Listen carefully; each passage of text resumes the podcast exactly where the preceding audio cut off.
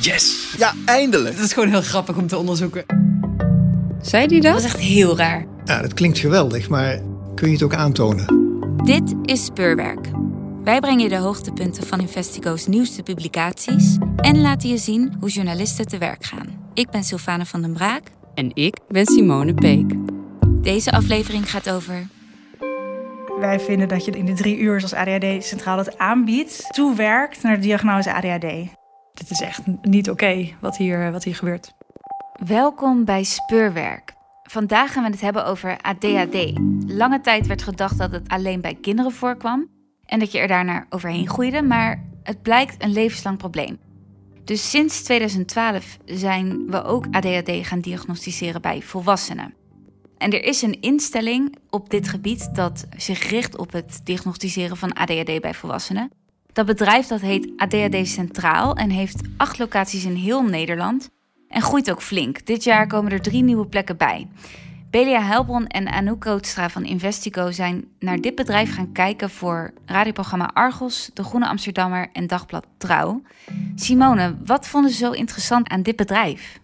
Ze kregen een tip van iemand die zei: er loopt daar niemand naar buiten zonder diagnose ADHD. En dat was niet zomaar een tip, dat was een tip van een oud medewerker. En daarnaast kregen ze nog een tip. Ze vonden een huisarts en die zei eigenlijk hetzelfde. Die zei: Ik heb nog nooit iemand daarheen gestuurd zonder dat hij terugkwam met de diagnose ADHD. Dat is opvallend. Ja, en er komen, zoals ik begreep, heel veel mensen naar deze instelling toe. In 2019 waren dat er 7000 in een jaar. Dat zijn er 144 per week. Um, hoeveel van die patiënten komt nou naar buiten met een ADHD-diagnose? 85 procent. Dus 85 procent van de mensen die er komt, krijgt de diagnose ADHD. En dat is veel. Ja. Um, klein beetje komt ook omdat uh, de huisarts natuurlijk een soort voorselectie doet. Dus het is niet een willekeurige greep van de straat. Maar het is wel veel. En um, dat was reden om verder op onderzoek te gaan. Ja. En dit is wat ze hebben gevonden.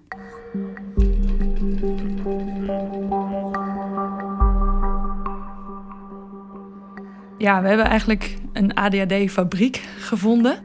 Waar ze gericht zijn op zo snel mogelijk en zoveel mogelijk diagnosticeren van mensen met ADHD. En dat doen ze heel goed, want ze verdienen er heel veel geld mee.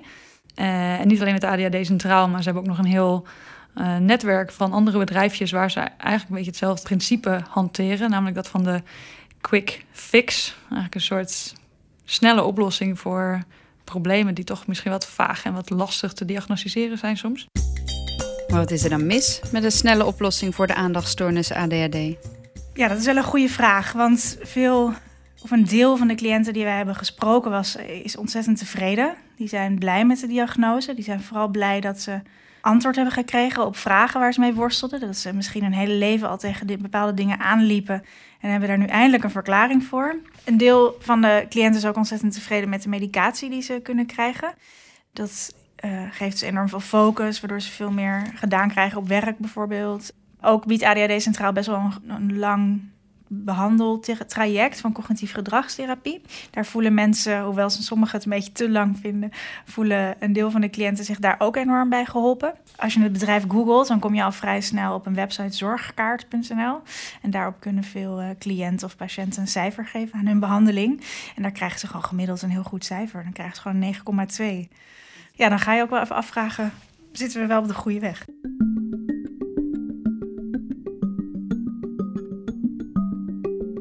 Maar we hebben natuurlijk ook cliënten gesproken die zich helemaal niet geholpen voelden.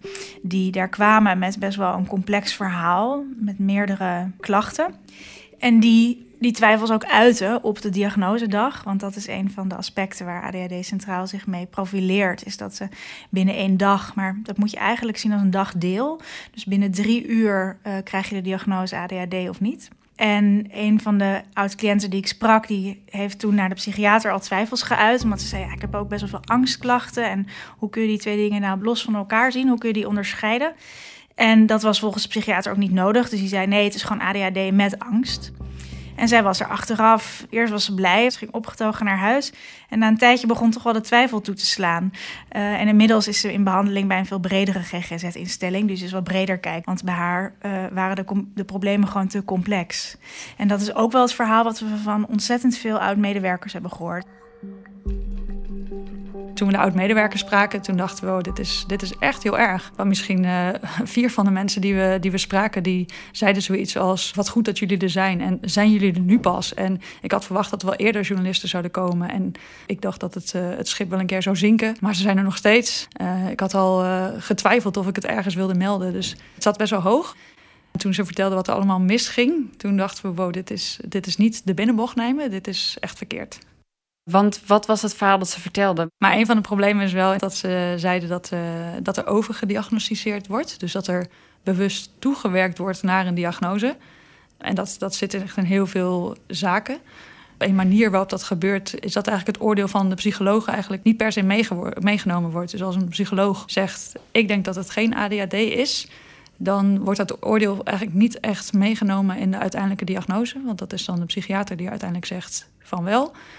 En die psycholoog die ziet dan achteraf patiënten weer terugkomen in de behandeling... waarvan ze eerder hadden vastgesteld zelf dat hij geen ADHD had. Dus we hebben mensen die zeiden, ja, dat is echt niet te doen. Want dan zit je dus iemand waarvan je dacht, nee, dit is geen ADHD, dit is gewoon trauma. Uh, die heeft in de jeugd iets heel ergs meegemaakt. Die krijg je dan terug om agendaplanning mee te gaan doen. Maar dat is het probleem helemaal niet. Dus dat worden we dan van die oud-medewerkers. Dus dat was echt heel, uh, heel schokkend. Want zij hadden ook gewoon vroeging. En ze zeiden, het vreet aan je dat die mensen niet de hulp krijgen die ze nodig hebben. En dat is gewoon echt verkeerd. Hier moet ik ADHD Centraal heel even de gelegenheid geven om iets terug te zeggen. In een brief schreven ze ons dat ze deze verhalen zelf nooit van hun medewerkers of oud-medewerkers hebben gehoord. En dat spijt ons zeer, schrijven ze, want we stonden en staan daar altijd voor open. Ondertussen zijn de cliënten of de patiënten wel heel blij met de hulp die ze krijgen, toch? Ja, ja, zeker. Dat was echt heel uh, gek in het onderzoek. En ook een moeilijk misschien. Nou ja, aan het begin van het onderzoek dachten we wel eens... oké, wat is dan het probleem? Mensen blij? Is, is het dan wel zo erg? Maar toen we dus met cliënten gingen, gingen spreken... Dan, dan blijkt eigenlijk ook wel waarom die mensen blij zijn. Want ze zijn uh, bij ADHD Centraal wel professioneel... en je krijgt lekkere broodjes. En dat, dat zegt iedereen steeds. En het is ADHD is natuurlijk erg een fijne diagnose om te krijgen. Het is redelijk overzichtelijk. Je hebt geen persoonlijkheidsstoornis biedt een verklaring voor alle dingen die misgegaan kunnen zijn in je leven. Het is niet iets uh, wat je hele leven overhoop gooit. Dus in die zin is het een prettige diagnose. Dus dat is misschien ook niet zo gek dat, dat mensen dan blij zijn. En tegelijkertijd merkten we ook dat cliënten zien niet wat er achter de schermen gebeurt. En die komen daarvoor een diagnose. En die krijgen ze in veel gevallen. Dus die zijn wel, wel snel tevreden. Maar waarom zou er bij dit bedrijf wel een probleem zijn met overdiagnosticering en bij andere instellingen niet? Nou, waar ze zich dus mee profileren is de diagnose binnen één dag. Dat is voor cliënten ook vaak prettig, want je komt binnen, krijgt eerst een intakegesprek met een verpleegkundig specialist. En die kijkt ook naar de lichamelijke aspecten. Dus die kijkt of je ook, uh, nou, hoe het zit met je bloeddruk. Um, die vraagt uh, nou ja, naar allerhande zaken die ook een rol kunnen spelen. Dus ben je net gescheiden bijvoorbeeld, of hoe zit je op je werk, of wat zijn andere problemen. Vervolgens heb je een uur met een psycholoog. Die gaat echt specifiek kijken naar ADHD. Welke klachten uh, heb jij en kunnen we daar ADHD aan verbinden? En de derde stap is dan een, uh, een test. Dat is een uh, objectieve test, zoals ze het zelf noemen. En die meet onder meer bewegelijkheid, concentratie. En die drie dingen bij elkaar, dat gebeurt dus in drie uur, zijn voor ADHD centraal voldoende om de diagnose te stellen. Terwijl als wij naar deze drie uur kijken, wel flink wat vraagtekens hebben. ADHD is best een lastige diagnose om te stellen. Ik noem het zelf wel eens, ik weet niet of de GGZ hiermee akkoord zou gaan, maar ik noem het zelf wel eens een restdiagnose. Omdat het eigenlijk de enige diagnose is die overblijft als je kijkt naar de klachten die mensen hebben en je hebt al het andere uitgesloten. Ralf, een man van in de 30, legde aan radioprogramma Argos uit hoe het leven met ADHD voor hem is. Op de ene manier zat er een bepaald soort onrust in me. En ik wist ook niet waar het vandaan kwam. En gaat eigenlijk alle kanten op. Als ik bijvoorbeeld zeg maar, nu hier loop, dan uh, heb ik allemaal indrukken. En eigenlijk iedere indruk geeft weer een gedachte. En daarop doe ik weer voortborduren. Dan ga je gedachten, die dwalen eigenlijk, die gaan echt duizend kanten op. En dat, dat gaat zo snel ook in je hoofd. Maar dat is niet iets zeg maar, waar, waar ik op dat moment voor de... Hoe noem je dat? Uh, diagnose uh, was gesteld, dat ik daar me er echt heel erg bewust van was dat dat niet normaal, of ja, niet normaal, maar dat veel andere mensen dat niet hebben. En ADHD is een hersenziekte, toch? Ja, dus het uh, zijn eigenlijk drie kernsymptomen. Dat zijn uh, aandachtstekort, hyperactiviteit en impulsiviteit. En wat belangrijk is bij ADHD is dat het zich al in de kindertijd openbaart. Dus dat het eigenlijk al vanaf de kindertijd aanwezig moet zijn, want het, het is er altijd al. Um, en daarmee onderscheidt het zich ook van allerlei andere stoornissen, die misschien pas later beginnen.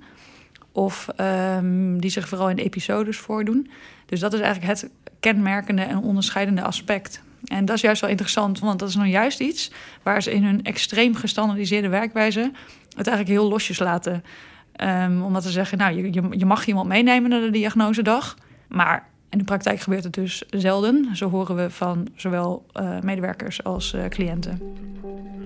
Met iemand meenemen wordt een ouder bedoeld of iemand anders die de patiënt al lang kent. Die kan dan vertellen hoe iemand zijn jeugd was en welke problemen er toen opkwamen. Wij vinden dat je in de drie uur als ADHD Centraal het aanbiedt, wel heel erg toewerkt naar de diagnose ADHD.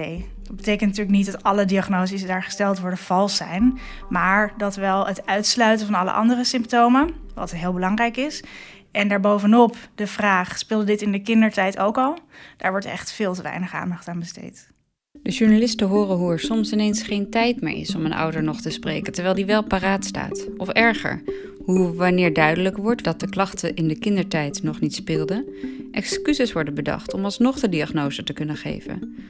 Maar waarom zou een bedrijf dat doen, de verkeerde diagnose geven?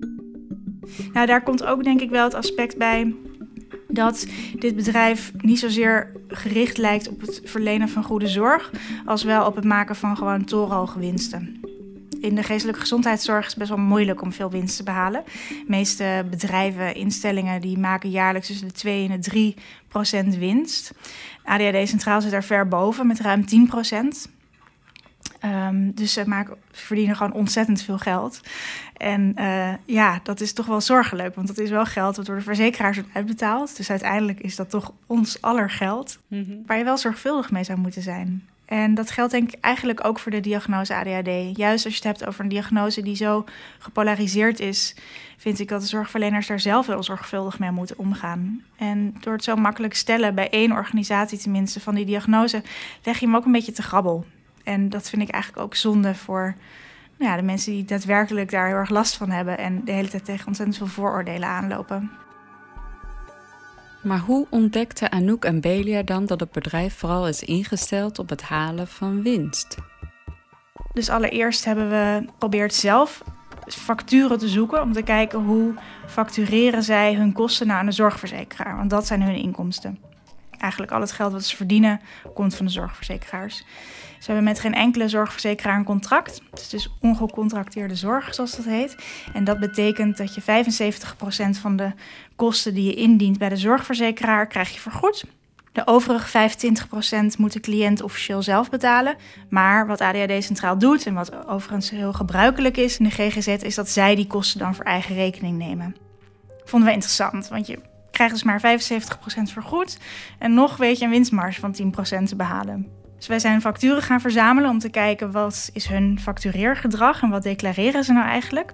En toen vielen eigenlijk al snel twee dingen op. Namelijk allereerst dat de facturen bijna volledig identiek waren. Dus dat betekent dat een patiënt die daar was geweest, die de diagnosedag had doorlopen, die gediagnosticeerd was en die nog een aantal medicatiebehandelingen had gehad, dat hij precies dezelfde minuten aan zorg had gekregen als een ander. Nou, dat is al heel bijzonder, want elke patiënt is natuurlijk een beetje anders. En dat het een beetje op elkaar lijkt in zo'n gestandaardiseerde omgeving is niet gek, maar het was echt precies hetzelfde.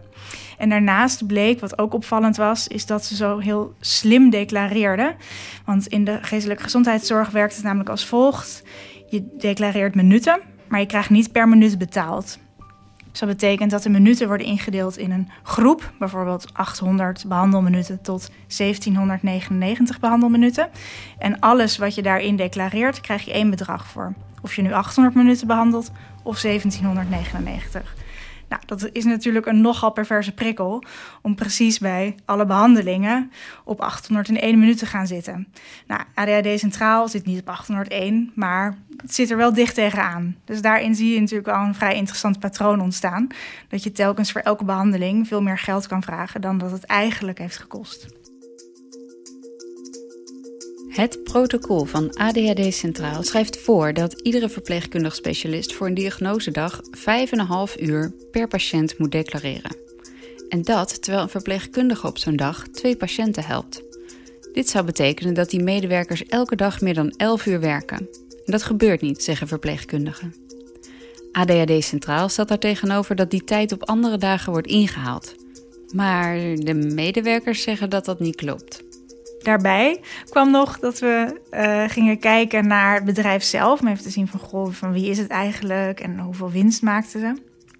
En toen stuiten we al heel snel op een heel netwerk van BV'tjes en bedrijfjes die de eigenaren hadden in allerhande zaken. Dus hadden ze ook tot twee jaar geleden een, een centrum wat zich richt op autisme, maar ook uh, slaapproblematiek, verslavingszorg, en dat soort zaken. Dus dat vonden we eigenlijk ook wel interessant. Want wat hangt er nou voor netwerk aan bedrijfjes omheen? En wat hebben jullie daar uitgevonden? Dat ADHD centraal voor de, de meeste eigenaren, directeuren, aandeelhouders uh, de belangrijkste business lijkt. Het bedrijf groeit gewoon enorm hard. Wat er ons daar ook in trof, was dat het allemaal bedrijfjes zijn die zich hebben gespecialiseerd in een beetje een vage diagnostiek.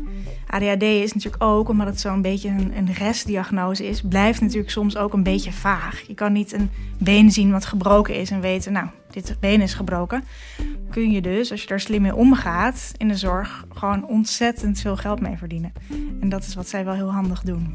Die verschillende bedrijfjes hebben nog iets gemeen. Wat ze eigenlijk willen is een soort objectief meetbaar iets, een, een technologisch apparaat of iets wat iets kan meten. Um, en daarmee dan vervolgens aan de slag. Dus ze zitten inderdaad ook in de autismehoek. Ze hebben iets met slaap, doen ze ook. Dus mensen met slaapproblemen hebben ze ook een technisch apparaatje dat, dat, dan, dat iets kan meten. Ze ook in de verslavingshoek, dus ook een apparaatje waarmee je dat dan uh, makkelijk zou kunnen oplossen.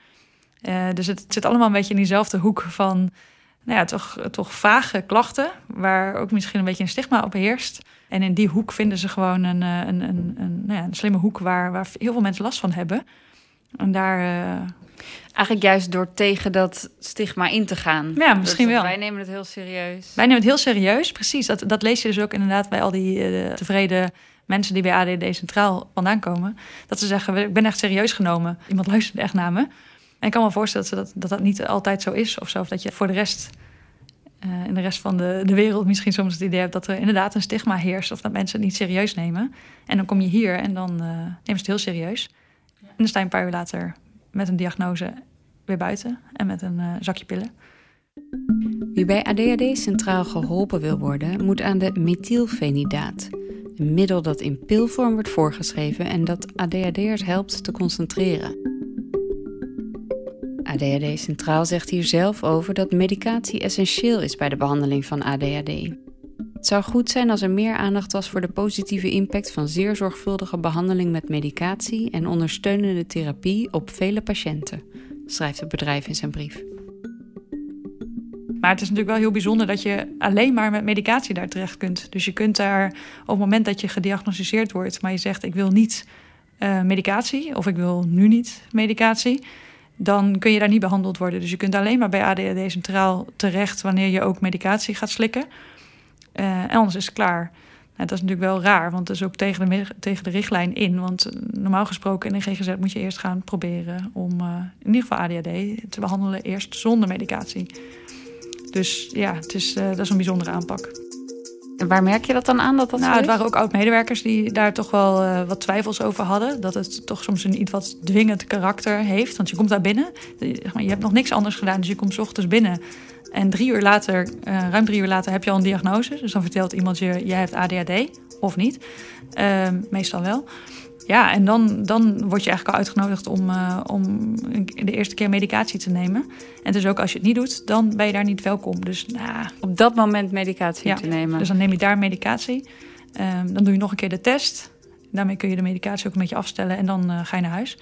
Dus het, het gaat wel heel snel. Dus ik, nou ja, oud-medewerkers zeiden dat het soms wat, uh, wat dwingend kan zijn. En dat het eigenlijk wel raar is dat, dat er niet ook nog een ander pad is. Als je misschien denkt, ik wil eerst alleen therapie. Is er ook een financiële prikkel voor? Ja, er zijn eigenlijk twee paden. Het is medicatie alleen of het is medicatie en therapie. Maar is er iets, eh, ze verdienen aan die medicatie voorschrijven? Nee, dat gaat via, via andere apotheken. Dus volgens mij verdienen ze daar op zich niet op. Mm maar natuurlijk wel op het gewoon stellen van een diagnose. Dus gewoon het, het, stellen van een diagnose, dat is hun verdienmodel. En dat is natuurlijk meteen het probleem. Dat, dat, je, dat zij uh, meer verdienen naarmate ze meer diagnoses stellen. Dus uh, ja, ze zitten sowieso bij, bij beide trajecten die je daar kan kiezen, zitten ze er gewoon heel handig. En uh, ja, ja, ze verdienen aan, aan de cliënten die daar komen. En flink ook. Ja. Ja, dat is er zo erg aan, vind ik. Dat je dus zo idioot veel geld kunt verdienen in de zorg. En straks wordt jullie onderzoek gepubliceerd. En wat moeten die mensen die daar gediagnosticeerd zijn dan? Ja, um, ik denk zelf, als je, als, je, als je geholpen bent met de medicatie, dan is het, is het oké. Dat is ook wel wat oud-medewerkers tegen ons zeiden. De niet-complexe ADHD'ers, die zijn waarschijnlijk echt prima geholpen met, met dit wat eh, ADHD centraal biedt. Namelijk een diagnose, medicatie, uh, dus mensen die het leven al redelijk op orde hebben of hadden, voor hen is het wel oké. Daarvoor is ADHD centraal ook gewoon een, goede plek. Het is eigenlijk vooral heel problematisch voor mensen die, waar het allemaal wat ingewikkelder is. Nou ja, die zijn gewoon niet zo goed geholpen.